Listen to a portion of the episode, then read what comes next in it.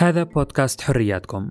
تسمعوه عبر قنوات مؤسسة فريدريتش نومان من أجل الحرية في مختلف منصات البودكاست.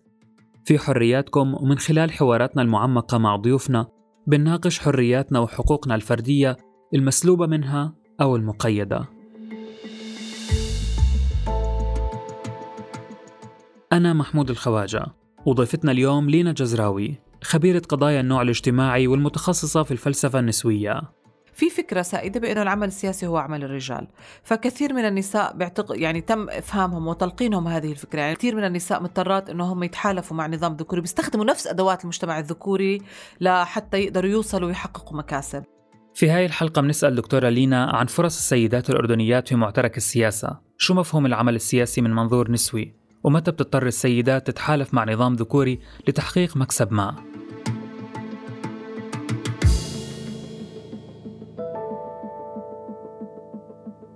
دكتورة هل بتعرفي نفسك كنسوية؟ وهل بمرحلة ما ترددتي من تبني هذا التوصيف؟ أنا بعرف نفسي أصلا كنسوية بالعكس هذا التوصيف الملائم يمكن ل للأشياء اللي بآمن فيها للقيم للفاليوز اللي أنا بدافع عنها للقضية اللي أنا حاملتها إضافة إلى أنه النسوية صارت جزء من حياتي لأنه هذا صار تخصص تخصص دراسي. وعمري ما كنت مترددة آه، بالعكس آه، أنا اليوم يعني بدافع بشراسة إذا بدك عن القضية النسوية في العالم العربي على وجه التحديد. هذا الشيء كان تراكمي ولا كان في لحظة أو ظرف معين حكى لك أنه خلص هذا هو تركيزي؟ مش ظرف ولا لحظة معينة بس إذا بدك في تراكمات إلها علاقة بالنشأة إلها علاقة بالبيئة اللي بتنشأ فيها المرأة العربية وأنا جزء جزء من هذا المجتمع العربي خصوصا إني أنا يعني من عائلة فيها عدد كبير من البنات وعندي أخ وحيد هو أصغرنا.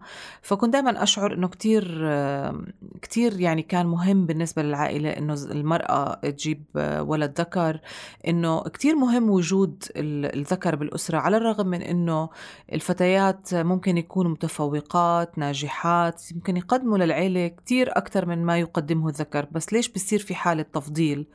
هذا كان هاجس بصراحة يعني احتل منيح يعني وقت من تفكيري. يعني بهداك الوقت بدأ عندي المنهج الشكي يعني يتبلور وهو اللي قادني الحقيقة للفلسفة لأنه الفلسفة بتعلمك المنهج الشكي. يمكن في آه، يعني صيغ مختلفة لكيف ممكن نعرف الفكر النسوي أو الفلسفة النسوية. أنت كيف بتعرفيها؟ الفكر النسوي هو منهج تفكير إذا بدك هو منهج حياة هو منهج تفكير بعدين بيتحول إلى سلوك.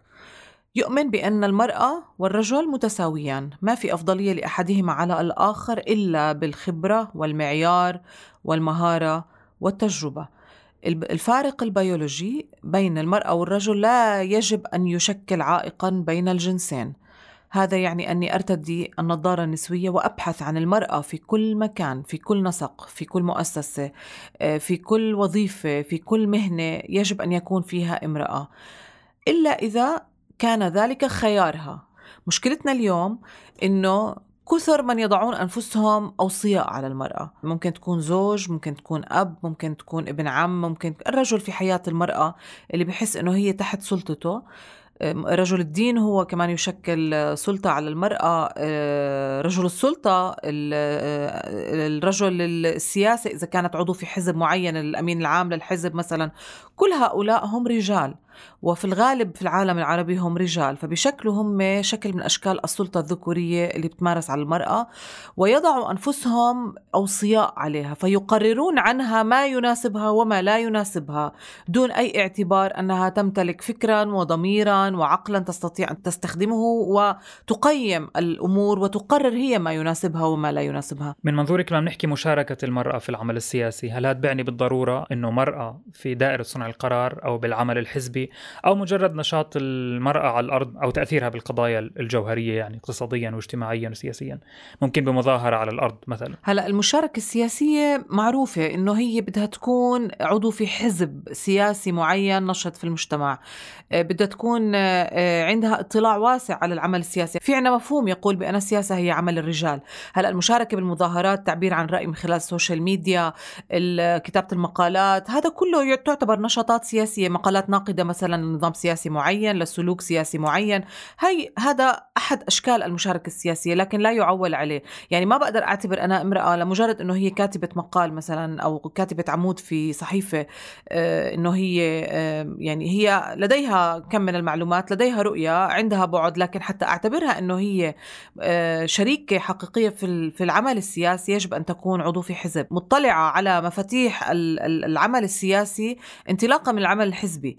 هلا عندنا المشكلة في العالم العربي إنه ما في عندنا عمل سياسي حقيقي ما في عنا عمل سياسي حزبي حقيقي وبالتالي حتى إحنا هلا أمام استحقاق ديمقراطي يعني إحنا جايين في الأردن على انتخابات ديمقراطية ما عنا ما عنا أحزاب يعني بتشعر إنه كل المرشحين عم بيحاولوا انه هم يجيبوا حشوات هي بمعنى الحشوات للقوائم حتى إنه تكتمل القائمه وينطبق عليها شروط الترشح. إحنا بنحكي هلأ عن عمل حزبي بشكل عام بس آه، وهذا بالنهاية كأنه بنحكي إنه عامل تاني أصلا لإقصاء المرأة أو لإنها تكون بعيدة عن المشهد. لأنه حتى الأحزاب السياسية اللي أو تصنف إنها سياسية في المجتمع اليوم والمعترف فيها إنه هي حزب سياسي في الأردن حتى النساء العضوات في هذه الأحزاب يتم التعامل معهم بمنظور آه، ذكوري. قليل ما تلاقي نموذج لامرأة هي عندها فعلا اطلاع على الفكر السياسي. عدا كم اسم يعني ما بعرف إذا بصير أذكر أسماء. لكن العضوات الجداد مجرد إكمال للعدد حتى تستكمل شروط تشكيل الحزب السياسي في الأردن ويتم الحصول على الامتيازات المطروحة ويقدروا إنهم يحطوا مرشحين يخوضوا الانتخابات. يعني الهدف هو هدف مصلحي بحت وليس عمل سياسي حقيقي. من وجهة نظري طبعا.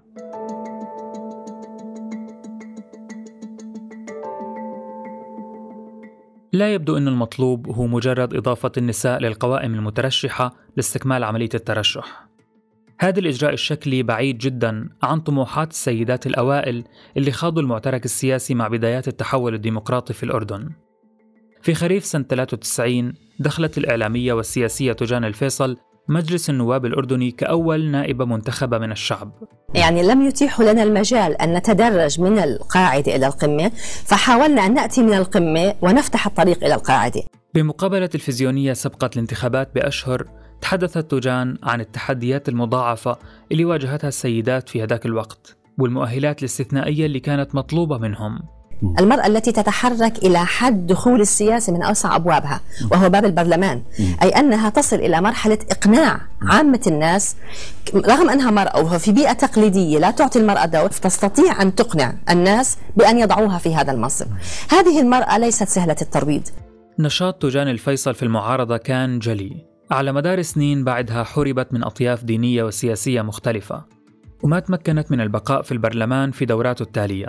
ممكن لأنها سيدة واحتمال بسبب مواقفها السياسية وتوجهاتها الفكرية.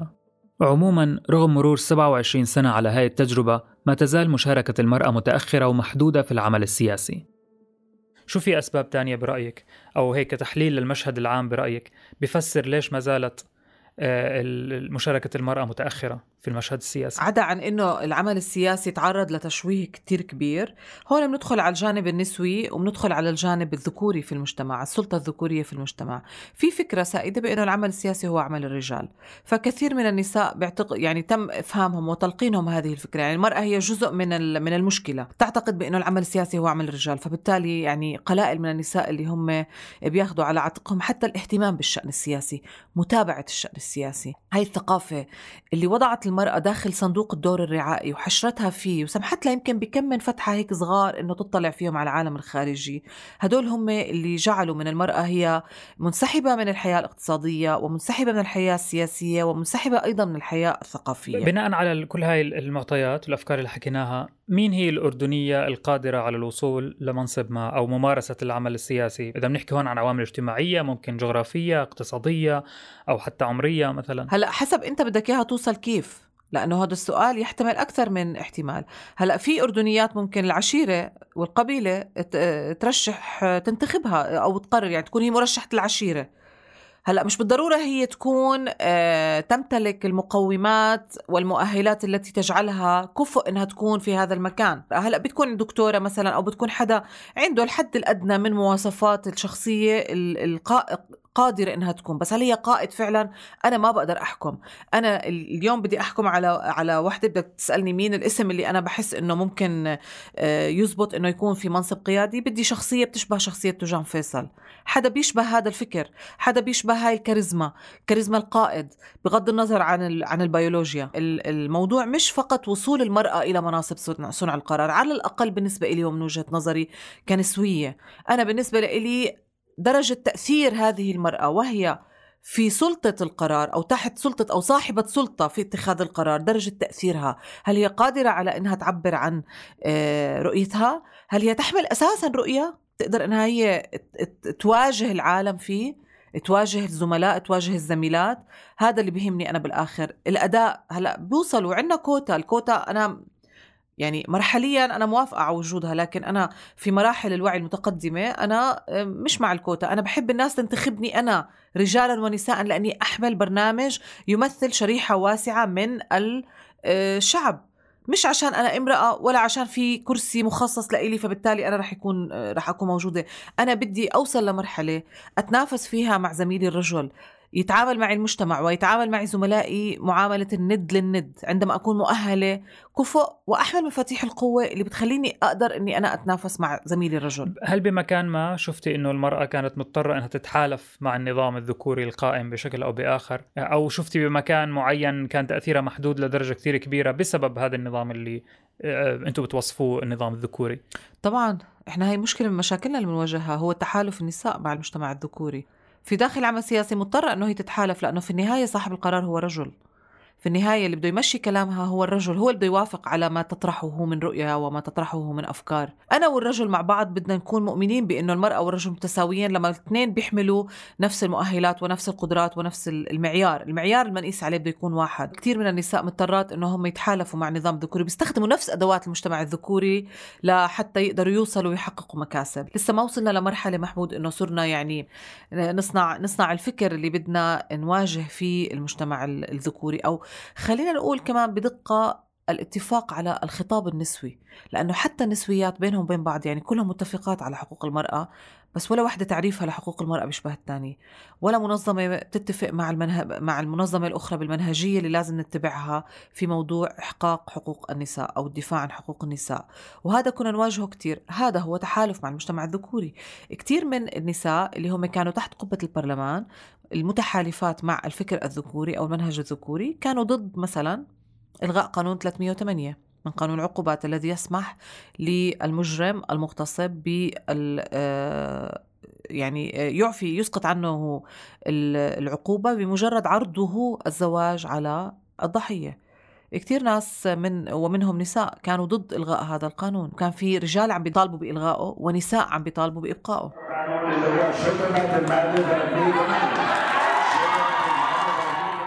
طبعا لسه عندنا مشكلات تانية إحنا بالنسبة لق... لأنه هذا يعني هذا القانون آه، أحد مجموعة من القوانين لسه هي آه، مشحفة بحق المرأة. وهل بتشوفي أنه آه، حضور النساء الحالي في البرلمان سواء السابق أو اللي رح يجي رح يكون بعطي أمل لأنه هاي القوانين ضل مطروحة وتتغير بشكل أو بآخر. المفروض. أتمنى ذلك أتمنى ذلك. ما بعرف يعني ما, ما عندي جواب على هذا السؤال الحقيقة لأنه إحنا كل برلمان بنكون تأميلين آه بيجينا معيقات وتحديات كتير وبيجينا جزء من المشكلة كمان إنه دائما يعني مش دائما قضية قضايا المرأة مطروحة على الطاولة.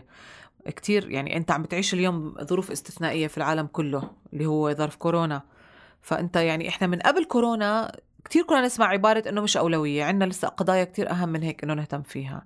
وكانت كتير من الجهات المنظمات النسوية والحقوقية إنه شو يعني مش مش أولوية. إحنا ما عم نحكي على كائنات جاي من الفضاء إحنا عم نحكي جزء أساسي وأصيل من نسيج المجتمع. دكتورة بتشوفي الكوتا النسائية زي ما حكينا في البرلمان هي وسيلة لفرض حد أدنى من حضور المرأة تحت القبة يعني. بس كيف تنظري لمبدأ الكوتا من الأساس؟ إذا نرجع نناقش النقطة اللي حكيناها من شوي. كمان كيف بتشوفي تأثيرها أصلاً سواء مجتمعيا على كيف الناس بتفكر أو على بشكل عام حضور المرأة في المشهد السياسي منذ إقرارها منذ إقرار هاي الكوتا. هلا هي حل حل مرحلي يعني هو ما يعني ما بنفع أنت إنه يعني مجتمع وصفناه بأنه مجتمع ذكوري عقل ذكوري يرى بأنه العمل السياسي هو عمل الرجال ومقتنع ومؤمن تماما بالقيم التي تم تلقينها له منذ نعومة أظفاره زي ما بيقولوا بأنه المرأة هي مسؤوليتها هي الدور الرعائي. فتيجي تقول له امرأة في, في البرلمان ما رح يستوعب هذا الكلام. فأنت بحاجة لإجراء آه، فيه آه، شكل من أشكال الجبرية. بدك تجبر المجتمع إنه يشوف المرأة تحت قبة البرلمان. يعني المرأة نتيجة إنه هي مش معتاد المجتمع على وجودها.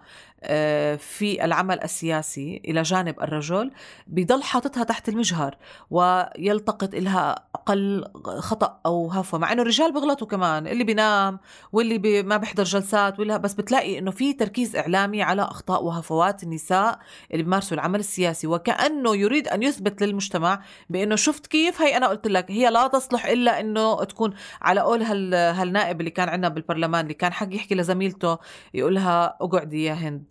بمعنى إنه بكفي تحكي أنت مكانك إنه روحوا لقطوا ملوخية. دقيقة شوي.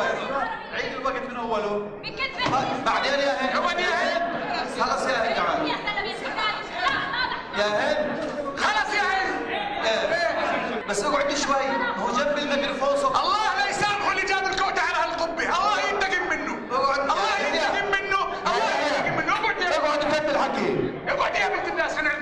وهي عبارة يعني أنا بالنسبة لي كباحثة نسوية أي مواطن عادي رح يسمعها يضحك أنا بالنسبة لي كثير بتعني هاي بتعني إنه هذا النائب على الرغم من وصوله إلى البرلمان عقله ما زال لا يستطيع أن يستوعب إنه في امرأة جنبه عم بتمارس العمل السياسي إنه هاي عم بيتم النظر إلها مثل ما عم بيتم النظر إله اذا السبيل الجذري للتغيير شو بنظرك؟ بدنا بدنا ننشط العمل السياسي في الأردن، العمل الحزبي في الأردن ونشجع النساء إنهم ينخرطوا في العمل السياسي. والاشتباك مع مع المجتمع يعني ما بعرف كيف هذا الحكي ممكن يصير وأكيد عليه كثير خطوط حمر وممنوعات وقيود إذا بدك. يعني في ظل التحرر المعلوماتي اليوم عم نعيشه أو التحرر إذا بدي أسميه الانفتاح المعلوماتي اللي عم نعيشه لكن أنا بشوف اليوم هو هو أسوأ وقت للتعبير عن الرأي لأنه الرأي المخالف عم بيتعرض لمصادرة آه، مباشرة. هلأ حتى نقدر نغير الواقع تبع المرأة ونساعد إنه هي توصل للبرلمان هي المرأة لازم تكون مقتنعة بهذا الشيء وتشتغل على حالها. لما بتقرر إنه هي بدها تخوض تجربة مثل تجربة البرلمان آه، بدها تكون متمكنة. لازم ما يعني تكون واثقة من نفسها إنه أنا ما لازم أكون موجودة في هذا المكان لو ما كنت أنا كفؤ وعندي استعداد للمواجهة وأنا قادرة إني أنا أتعامل مع المجتمع ومع قضايا المجتمع. يعني بدها استعداد داخلي من جوا. بالمناسبة في عندنا نماذج أثبتوا من خلال أدائهم ووجودهم إنه هم آه، آه، كفؤ لهذا المنصب وكان دائما متواجدين ولهم رؤية ولهم دور والمجتمع احترم هذا الشيء.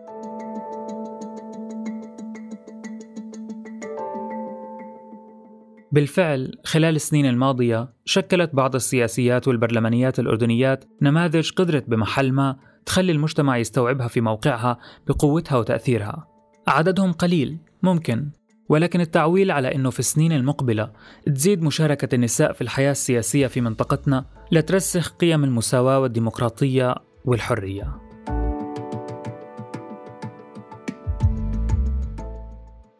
كنت معكم في الإعداد والتقديم محمود الخواجة. تسمعوا الحلقات المقبلة من بودكاست حرياتكم عبر قنوات مؤسسة فريدريتش نومان من أجل الحرية في مختلف منصات البودكاست. إلى اللقاء.